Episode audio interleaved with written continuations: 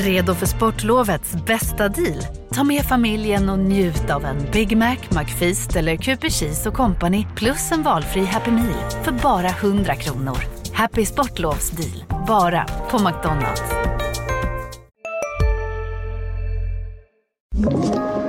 Podplay.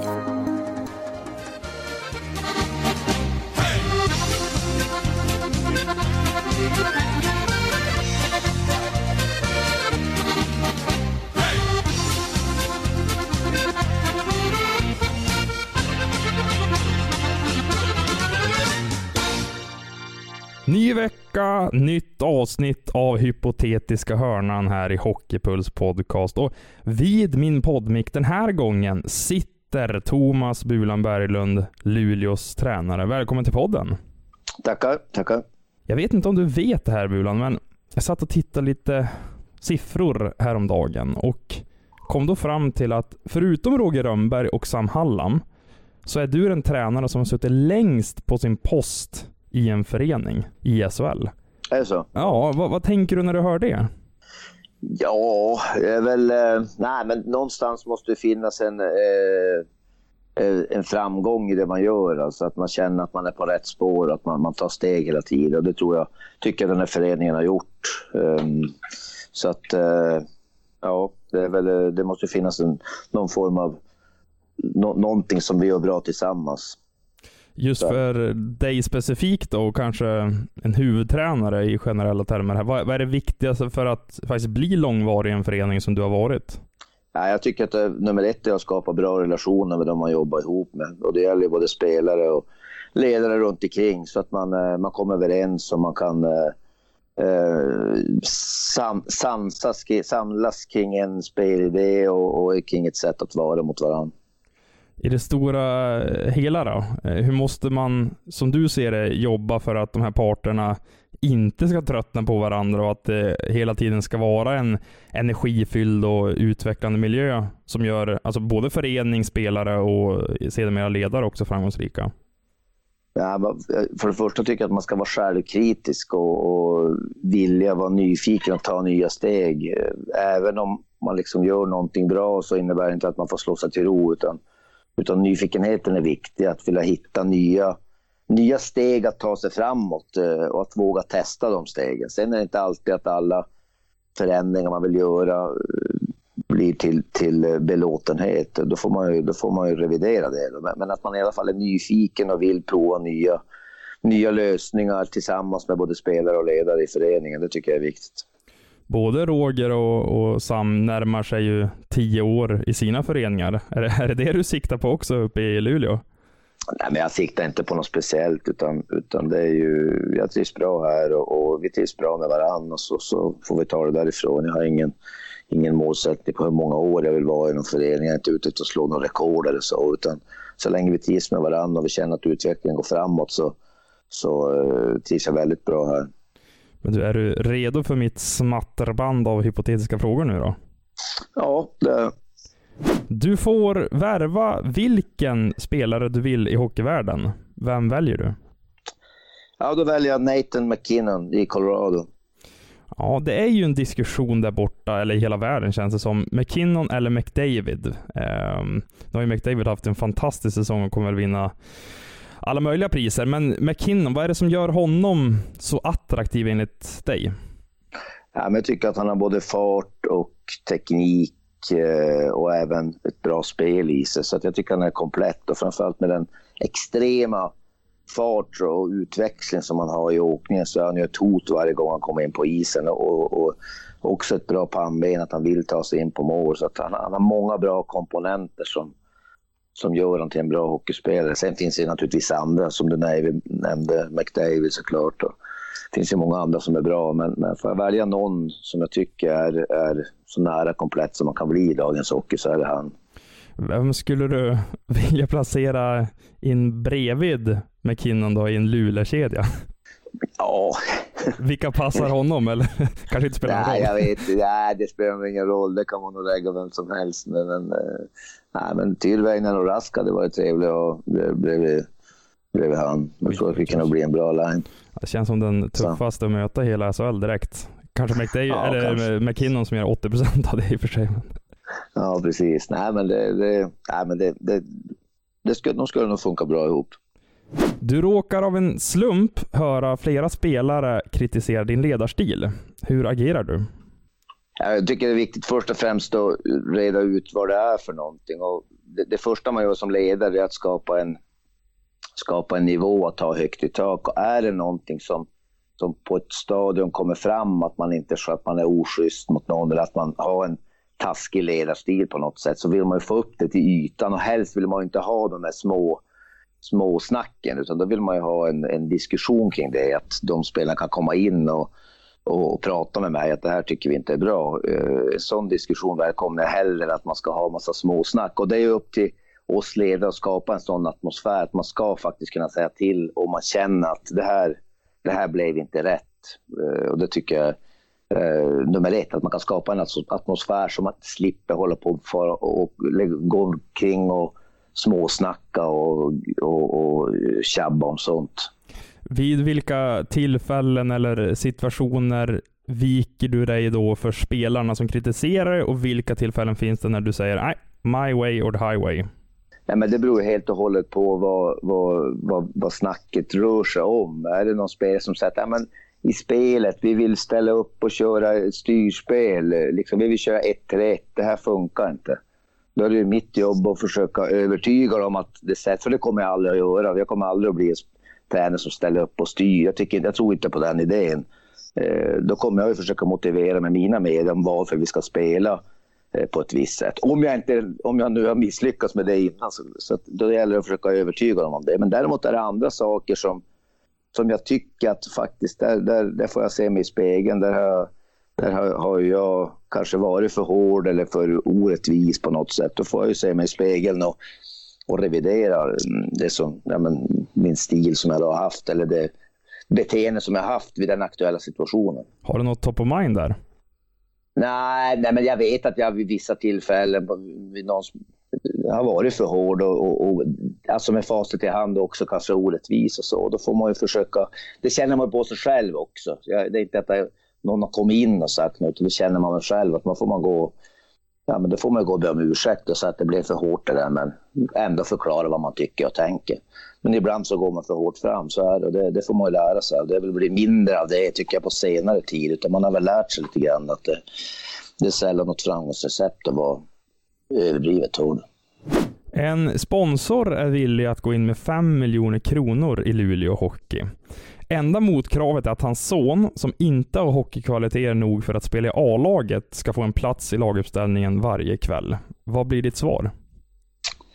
Eh, nej, men det, jag, jag, tror att börjar man hålla på så. Jag tror i Sverige funkar nog inte det. Det kan nog vara i andra mer korrumperade länder där det kanske kan funka på det sättet. Men, men eh, det, det, är inte så det funkar. Det ska ju också synas att den här spelaren inte hade kvaliteterna fullt ut. Och då, då blir det i slutändan så biter man sig i, i, i röven. Eh, så är det Så att, eh, det är nog början på ens fall om man ska börja agera på så sätt. Så att, eh, svar, eh, svaret är att han kommer inte att spela med oss om han inte är kvali kvalif kvalificerad för det. Har det hänt någon gång att en spelare försökt, man kanske bjuda dig på middag eller gett dig någonting för att du ska hjälpa den spelaren? Nej, eller, nej, eller att en förälder kanske har varit inne och påverkat och sagt att ja, men, min son, får han spela lite mer, då kan du få det här av mig Bulan.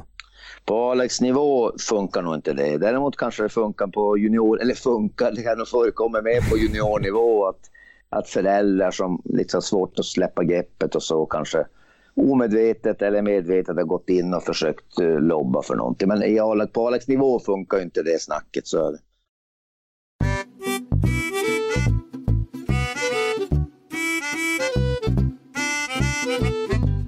Du får chansen att gå tillbaka i din tränarkarriär och förändra ett beslut. Vilket? Uh, ja, jag hade vid ett tillfälle uh, i division 1 när jag tränade Piteå så, så skickade jag in en kille med solglasögon för ja, det var väl mer, mer, det blev ett jävla liv runt Det var väl meningen som en rolig grej bara, men han skickade in på is och det blev ett jävla liv. Så att, jag ångrar väl mer att inte alla spelare fick chansen att spela med solglasögon. Men vänta här nu. Varför valde du det? Och vem var spelaren? Jo, Johan Söderström hette han. Ja, okej. Två meter lång. Så att vi, vi, Och det här var inte fick- 05-06 säsongen? Ja, det här var 05-06 Ja. säsongen. Så att han fick chansen. Och han spelade och avslutade med solglasögon. Så att innan kör så, men då körde han över en spelare istället. Så han, han missuppfattade mig lite grann. Nej, det hade varit roligt att se alla spelare i solglasögon. Nu blev det bara tyvärr en. Så det är väl någonting jag ångrar faktiskt. Men alltså, vad var anledningen? Alltså vilka fördelar kan man vinna av att ha solglasögon? Eller var det bara för att psyka motståndarna eller? Nej, det var bara mer en rolig grej som vi, som vi kom på. Okej. Ja, just det. Det kanske är nästa variant. Tyckte vi då vid det. Ja, det, det kan vara en liten, liten brasklapp man kan Ja. lägga in någon gång då och då. Ja, men alltså vissa ju de här tonade visiren och får ju dispens för det. Man kanske söker dispens för solglasögon här framöver. Kanske var det som var föregångaren till tonade, tonade visir. Precis. Det var ni som inspirerade Ovechkin. Ja, kan vara så. En spelare filmar till sig en utvisning som leder till ett powerplay där ni avgör matchen. Konfronterar du spelaren efteråt? Alltså, för det första så, vi, vi må, jag tycker vi ska försöka hjälpas åt att få bort eh, filmningar och eh, eh, förstärkningar. Förstärkningar kommer ju alltid att ske mer eller mindre, det sker väl instinktivt och där har de ett större problem i fotbollen med sådana saker. Men, men eh, vi ska, jag tycker vi ska försöka göra det lättare för domarna att döma. Det, det, och framförallt kunna ge straff i efterhand, individuella straff, om man filmar. Så på så sätt tror jag man kan komma åt det. Och det, det sker ju redan idag. Eh, det är klart Men nu, att, nu att svarar du inte riktigt på min fråga Ja, här. jag, säger så här, jag vill inte, um, kort och gott, jag vill inte ha spelare i mitt lag som, som filmar. Och, och det är klart att jag, jag kommer att säga till spelare att det där, det där är inte hållbart i längden. Eh, så där kan du inte göra. Sen kan jag inte... eh, jag vet inte, det, det, det är en situation som, som vi inte vill ha i den här föreningen. Jag hoppas ingen i, i SHL eller i svensk hockey vill, vill, vill hålla på så. Eh, Som ledare vill man inte ha spelare som åker omkring och filmar. Sen är det ju, kan man ju inte styra spelarnas beteende ute på isen, men det är någonting vi pratar om såklart. Att vi, vi, vi, vi jobbar för fair play och gör det lättare för domarna att döma hockeymatcher. Svenska ishockeyförbundet ringer dig och vill att du ritar om kvalet mellan Hockeyallsvenskan och SHL. Vad svarar du? Eh, ja, jag tycker, jag tycker först och främst att man ska ha um, direkt nedflytt. Jag tycker inte man ska ha någon relegation-match bäst av sju som var fallet mellan HV och Brynäs. Det blir en, en läskig arbetsmiljö att, att verka i och det blir också att man får fokus på fel saker. Man kanske inte märker i förbifarten att ja, men, i Brynäs fall nu som har haft misstänkt spelare misstänkta för olika brott och så eh, man blir lite, lite fartblind om man vill vinna matcher och man kanske inte tänker på följderna av att vissa spelare spelar. Det, det blir en, en eh, dålig arbetsmiljö eh, och jag tycker att sista laget i serien i SHL ska åka ur direkt utan relegation. För det är eh, frågor och spelare och ledare som har spelat de där matcherna. Det är en arbetsmiljö som är... Du har ingenting att vinna. Okej, så jumbon Eh. åker ur SHL, men hur sköter man då avancemanget från Hockeyallsvenskan? Nej, men det kan man ha som vanligt. Då får man, då, de gör ju upp om en plats ändå och en, ett lag åker ut. Det enda man gör är att man tar bort relegation. Finns utan, det en... utan sista eh, laget åker ut direkt. Ja. Eh, rakt av bara. Det tror jag, det tror jag, jag tror att alla skulle välkomna det. Jag tror, frågar du HV och Brynäs vad de har varit med, det värsta de har varit med om som spelare och ledare, så är det nog de matcherna eh, där man lever i en, eh, med en otäck känsla i, i, i eh, två veckor när man spelar mot, när, när det här kvalet pågår. Så, så jag tycker att sista laget ska åka ur direkt utan, utan att passera gå, eller på att säga. Ditt lag får antingen starta varje match med en 1-0-ledning, men ni förlorar alla tekningar. Eller så får ni alltid börja med pucken efter varje tekning. Vad väljer du? Eh, då tar jag att vi får, får börja med pucken efter varje tekning. Det, det blir många sådana situationer per match. Och förr eller senare kommer de få ett mål tack vare att man vinner tekningarna. Eller man får spela i anfallszon eh, mer och så vidare. Så att, eh, då tar jag nog att vinna tek, börja med pucken efter tekning. Så då är din övertygelse att ni skulle kunna vända på det där underläget Ja. då?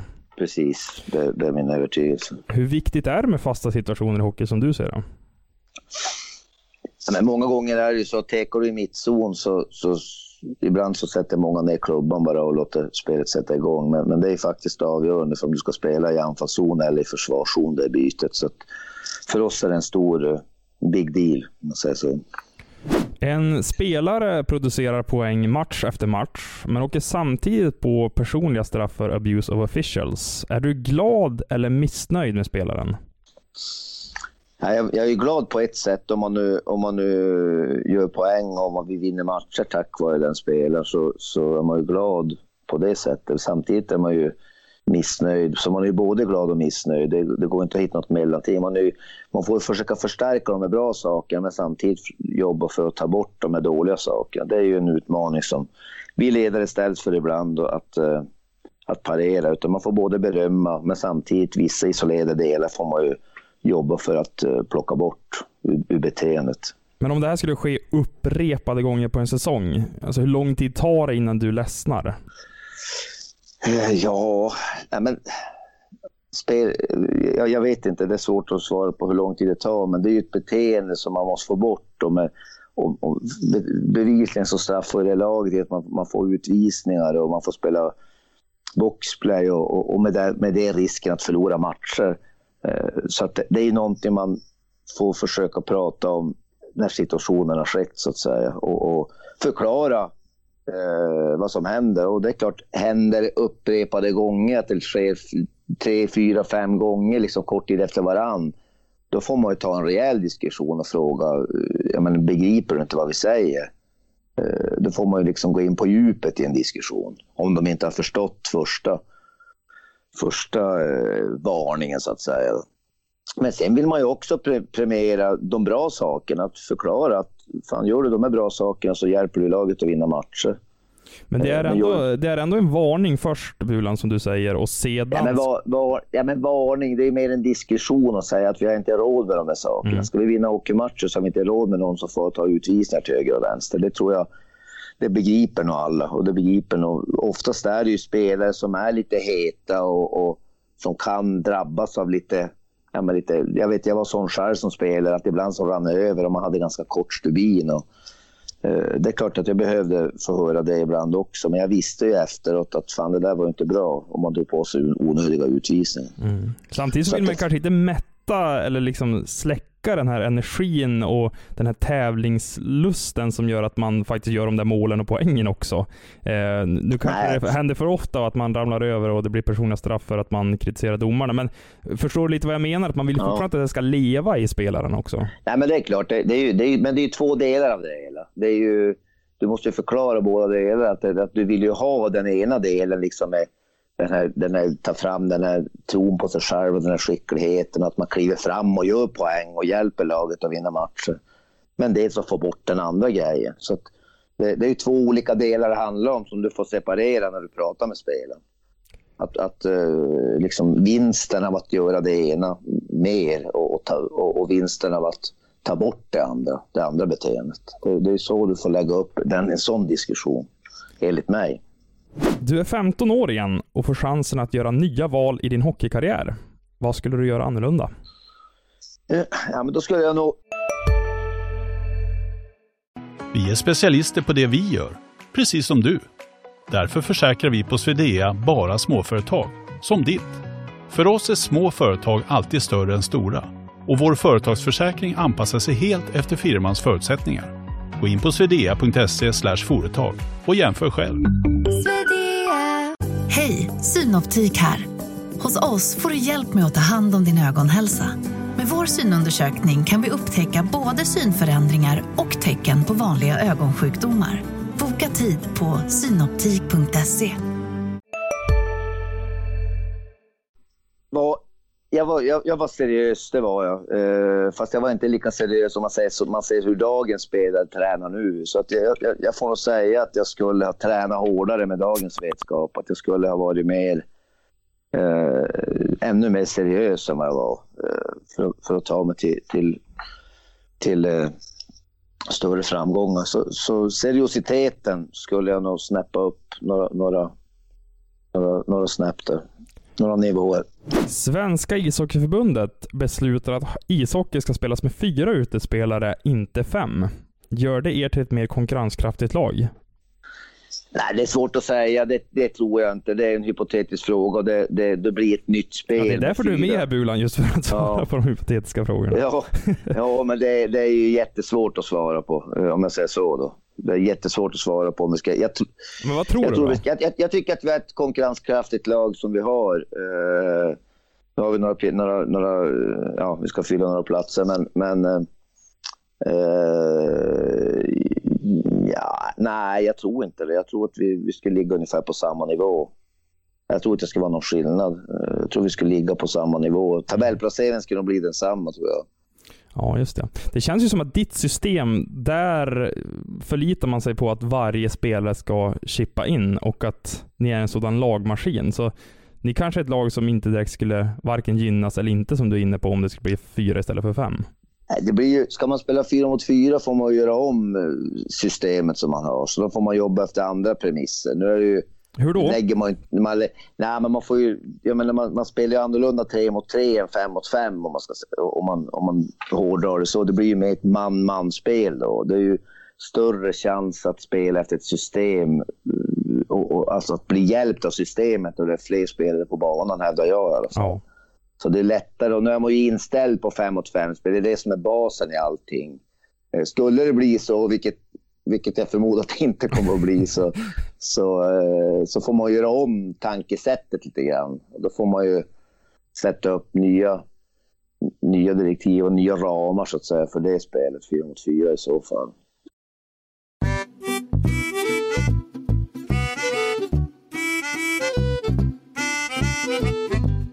Du har en av Sveriges största talanger i föreningen, men du anser att han ännu inte är redo för A-lagsspel. Spelaren svarar genom att hota att lämna klubben om han inte får speltid. Hur agerar du?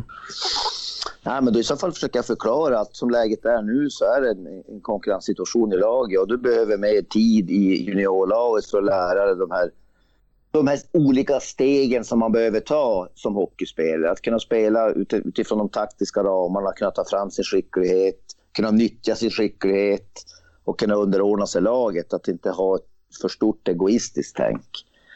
Eh, där, eh, där, där det, det, hade varit mitt svar. Så att motiveringen hade varit att gnugga på juniorlaget, eh, spela matcher med dem, träna med oss, försök lära dig saker hela tiden Eh, och försök ta det successivt och försök att tänka lugnt och fint. Att inte ha så bråttom in i, i, ja, men liksom in i senioråldern och hoppa över massa steg. Jag har själv varit med om massa sådana exempel där det går för fort fram och många spelare är påhejade av agenter, föräldrar, scouter som tycker att de ska göra si och de ska göra så.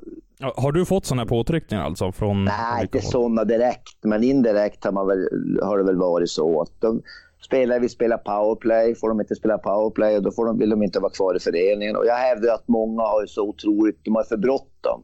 Men det är ju mycket agenternas fel att de ska liksom, agenterna vill ju ha en avans, de vill ju ha pengar för, för eh, att de ska kunna spela i NHL så fort som möjligt. Så att de får, får, får sin lön utbetald. Eh, och att de får in pengar i firman. Det är så det funkar. Men de ser ju inte i det långa loppet. Jag tycker att många spelare har alldeles för bråttom fram och de hoppar över de här stegen som gäller. Hockey är ett lagspel och det gäller att alla förstår det. Det gäller att man inte hoppar över de här stegen som handlar om arbetsmoral och Eh, att man ska försöka jobba för lagets bästa hela tiden. Det är det som är grunden till varför man spelar i ett lag. Det är för allt, väldigt mycket egoistiskt tänk hos, hos agenter och där man försöker, ja, men försöker, försöker helt enkelt få fram den individen bara och, och, och liksom med att man spelar, att man håller på med en individuell idrott, vilket jag tycker är felaktigt. På din ton så tycker jag det låter som att du tänker att det här är skadligt för svensk hockey i stort också. Ja, men det är klart att det är det. Alltså, om, om spelare inte förstår och hoppar över de här stegen som, han, som jag nyss beskrev så, så, det, så blir, det, blir det ju såklart uh, det blir ju ihåligt. Laget blir ju ihåligt. Man tänker ju mer bara på sig själv. Spelarna, dock, man har ju valt att spela ett lagspel. Då måste man ju förhålla sig till det också. Då, då, då gäller det, då är det ju, det är inte jag, jag, jag. Det är inte ett e, e, egosport. Då ska de ha hållit på med med en individuell idrott. Men tyvärr så blir de här unga spelarna ofta vägledda av sina agenter att gör det, du ska spela powerplay och hetsa fram någonting. Utan det, jag tycker lugnt och fint, lär dig grunderna Eh, och skynda långsamt och på så sätt bli en, en mer homogen spelare när du är klar. Många sticker ju också väldigt, väldigt tidigt till Nordamerika utan att de är färdiga hockeyspelare och då blir det cut treat av det hela också. Och det kanske inte ska behövt bli det om de hade tagit lite lugnare och inte forcera fram så hårt. Där tycker jag väl att ni i Luleå har lyckats rätt bra med att behålla killar som Nils Lundqvist, Filip Hollander, tidigare Isak Lundeström. Att, ja, men, ta ett år till i SHL och så får de utvecklas till toppspelare. Nu får vi se hur det går för Lundqvist och Hollander nästa säsong, men eh, vad tror du är i Luleå som gör att ni faktiskt är en förening som får spelare att stanna ett längre tag? Ja, men jag, tror att, jag tror att vi är bra på att motivera spelarna varför de ska stanna kvar. Just det jag beskrev, att försöka ha, ha eh, tålamodet att ta de här stegen. Sen lyckas vi inte i alla, i alla, utan alla är sina egna och vissa agenter och spelare vill iväg, de vill inte vänta. Det får man respektera, men jag tycker att för, ens egen, för deras egen utveckling så bör man, bör man liksom eh, lugna ner sig liksom och inte vara så forcerande i, i den här i den här processen att bli draftad och liksom allt ska gå så snabbt. Det, där, men där, där, tycker jag vi har, vi har ja, men jag tycker vi, vi jobbar efter ett bra koncept där. Och sen är det så att vill inte spelare vara kvar om de ändå vill ta steget och inte, de kan inte acceptera det här att det tar tid att, att bli en bra hockeyspelare, ja, men då, då, då, kan vi inte, vi kan inte liksom tvinga kvar spelare här i, i föreningen. Det vill vi inte. Utan vi försöker motivera varför de ska vara kvar för att kunna utveckla dem som hockeyspelare. Jag måste tillbaka till den ursprungliga frågan här också, eh, i det hypotetiska trädet. För det är ju faktiskt så att det är ett ultimatum som ställs här. För jag tyckte inte riktigt du svarade på frågan. För att spelaren säger att jag lämnar om inte jag får ta mig upp i A-laget. Och jag förstod exakt vad du menar med att då vill man ju prata med honom och ja, det är ett bra steg för dig att börja med juniorerna. Ja, men då får, då, ja, men då får han lämna. Ja, Okej, okay, det, det, det, blir svaret var jag, alltså. Var jag tydlig där? Ja, men jättetydlig. det är bra. Ja, men är det så att drar man det till sin spets, då är det helt enkelt, ja men då får du lämna föreningen. Ja, men, men, men svaret på frågan innefattar ju mer än så. Det, det blir ju en, en diskussion med att man försöker övertyga spelarna att det här tycker vi är det bästa för dig. Men sen accepterar inte de det, ja, då får man försöka hitta en annan lösning. Vi vill inte ha kvar spelare som inte vill vara kvar här. Du får chansen att förstärka din ledarstab med vem du vill i hockeyvärlden. Vem lyfter du in till organisationen? Ja, men jag tar Jonas Rönnqvist där. Jaha, du ska övertala honom att komma tillbaka? ja, ja nej, men det, det, jag skulle ta in honom då i så fall.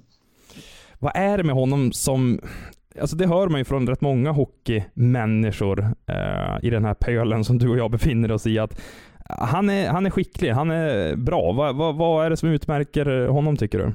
Ja, först och främst känner, han, eh, känner vi varandra väl och har jobbat tillsammans under många år och så. så att, eh, det är mycket det. Duktig hockeymänniska, bra strateg och så vidare. Så att, eh, ehm, så att han, han eh, nej, men det är en, en, en som ska kunna tillföra saker och ting på många plan. Hur mycket av ditt ledarskap och ditt tränarskap har du fått ifrån honom? Med tanke på att ni jobbade tillsammans där i Luleå under början av 10-talet. Ja, men vi har jobbat tillsammans. Det är, alltså, jag, jag ska inte säga att det är liksom att man tar saker, men man, man pratar om mycket saker och det är klart att man, man bildar sig en, en, eh, en filosofi som man har så tar man väl intryck från många olika saker och han är en av dem som, som ja, men liksom att vi har pratat om olika situationer. Det är klart att det växer fram utifrån att man har pratat mycket med honom. Att, att det finns saker som man, som man tar med i sin, i sin eh, verktygslåda. Ditt lag saknar en första center. På marknaden finns en spelare som passar utmärkt sett till spelmässiga kvaliteter som dessutom är ekonomiskt möjlig att värva. Däremot har han ett brokigt förflutet och redan fått sparken från två lag på grund av bråk med sina dåvarande lagkamrater. Plockar du in honom? Ja, det är en svår fråga. Man måste ju ha mer fakta än så på bordet. Det, det kan ju vara så att det inte är hans fel att, att, eh, att han har blivit sparkad, utan, utan det kan vara andra orsaker. Samtidigt så ringer ju varningsklockorna och det är klart man måste göra en noggrannare research på den här killen. Vi vill inte ha in ett rötägg som, som är en, en stor egoist och bara tänker på sig själv. Det, det, det, så där får man göra en, en, en noggrann övervägning. Men, men, det är klart att varningsklockorna ringer en sån gång och där, där måste man vara försiktig svårt i det här enskilda fallet när man inte har alla fakta på bordet. Men, men eh, det, det, finns ju plats för, för en extra granskning av den här personen och ett samtal med personen om hur han ser på den här situationen. Men eh, jag skulle inte säga blankt nej, utan det gäller att samla, samla på sig fakta och inte gå på massa på hörsägen bara. Hur tillskansar sig Luleå Hockey information? Alltså hur jobbar du, Skuggan, Engman tillsammans för att få en, en fullskalig bild av en spelare? Ja, men en sak är att man, eh, man ringer till spelare som man känner, som man spelar med killen. Eh, man ringer till tränare eh, som, som har tränat killen. Man, man pratar med dem och får en bild få en, en samlad bild av ungefär hur, hur han är som spelare och hur han är som person. Och sen får man försöka prata med, med, med, spelaren själv om, man, om vi har nått så långt liksom i samtal med agenter och så. Så att vi försöker sam, få en så samlad bild som möjligt av hur är människan, hur är hockeyspelaren. Du är en match ifrån att ta SM-guld med Luleå. Samtidigt ringer en NHL-klubb och erbjuder dig jobb, men du måste ta det på studs. Vad väljer du? Ja, men det, det finns inte. Det, det, det, är klart jag stannar kvar. det var en dålig fråga. ja, jag, jag märkte det på dig att du bara suckar. Herregud. Ja. Nej, men eh, okej, okay, så det är givet för dig? Självklart. Ja.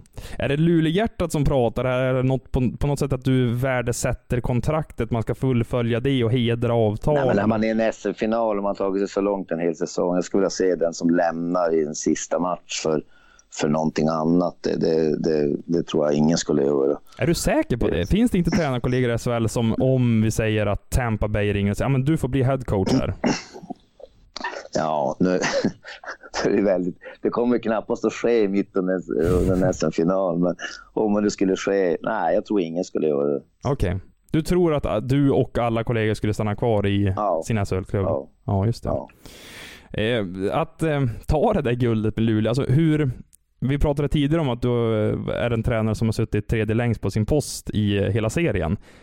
Är det den starkaste drivkraften skulle du säga, det där guldet? Eller finns det något annat som gör att ni hela tiden i föreningen jobbar kontinuerligt framåt för att göra Luleå framgångsrikt? Uh, nej, men det är klart att guldet är en, en, en drivkraft. Nu har vi haft lite, jag tycker vi har haft lite oflyt med de här corona. Vi, vi vann ju serien för två år sedan och, och klart och var skadefria och väldigt redo att gå. Uh, tyvärr blev det ingenting då. Sen blev det en brokig säsong den här säsongen. Så vi kände oss redo att ta oss an den här säsongen nu. Och vi, det är klart att guldet är en, en stor drivkraft. Och vi känner att vi, vi, vi blir bättre och bättre successivt eftersom. Och vi känner att vi har etablerat oss som ett, ett lag som är med och, och kämpar där framme. Och vi får se. Vi, vi, känner oss, eh, vi känner oss redo. Du får välja att ta över vilket hockeylag som helst i världen. Vilket väljer du?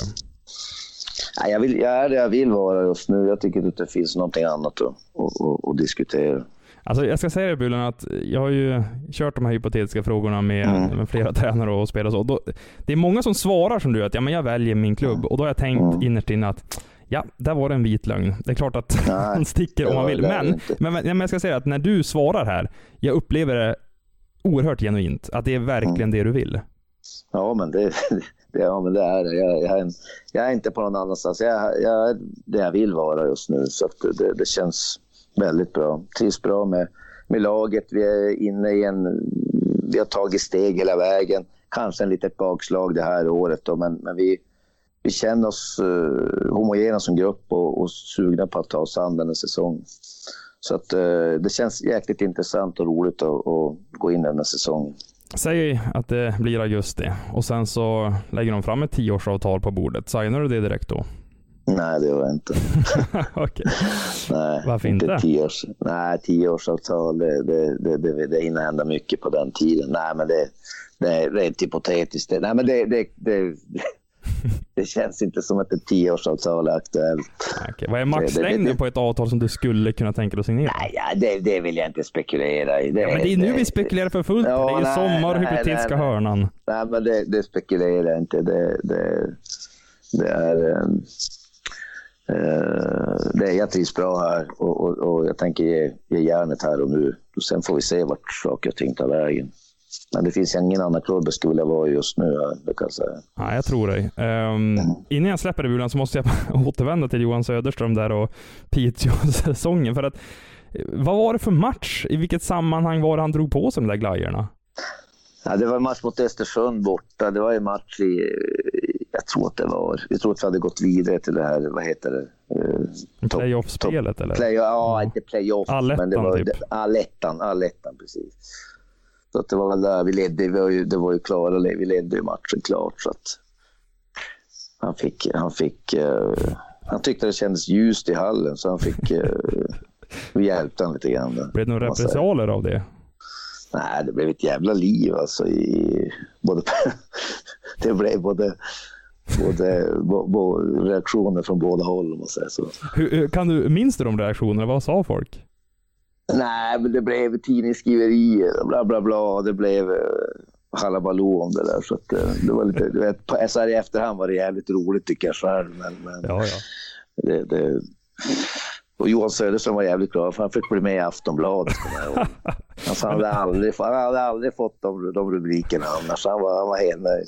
Men jag måste fråga om det. Alltså, hur, hur gick snacket inför? Alltså, hur kom man fram till att de där solglasögonen skulle på? Nej, vi gick och snackade, jag och Röntgen innan matchen. Så fan, det skulle vara kul att spela. Han spelare som drog på sig solglasögon i matchen. Så, nej, så blev det läge tyckte vi i matchen att att han skulle få dem där. Men, men, ja, nej, men det var lite, lite roligt faktiskt. Lite, litet, pojk, litet, pojk, litet pojksträck kan man säga. Ja, nej men alltså det var väl, det, det var väl helt okej. Okay, det var inget som blev skadad av det. Alltså, det var inget, inget, inget ont uppsåt. Nej. nej, men Röntgen Jonas Rönnqvist ska vi också säga, bara så alla vet mm. det, att det är hans mm. smeknamn. Bulan, eh, enormt stort tack för att du var med i Hypotetiska hörnan här i Hockeypuls. Jätteroligt. Och sen vill jag någon gång under säsongen här som kommer också att du ska få komma tillbaka för ett riktigt gästavsnitt så vi får prata mer om din spelar och tränarkarriär. Ja, ja, det går bra. Härligt. Tack så mycket för att du var med. Ja, tack själv. Hej. Och vi säger tack till alla er som har lyssnat på det här också. Hypotetiska hörnan är tillbaka nästa torsdag igen. Tack för oss.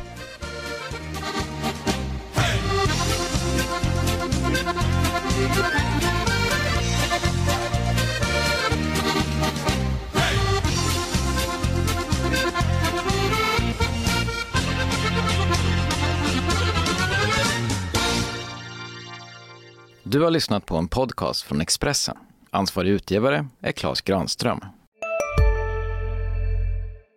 Hej, Susanne Axel här. När du gör som jag och listar dig på en av Krys vårdcentraler får du en fast läkarkontakt som kan din sjukdomshistoria.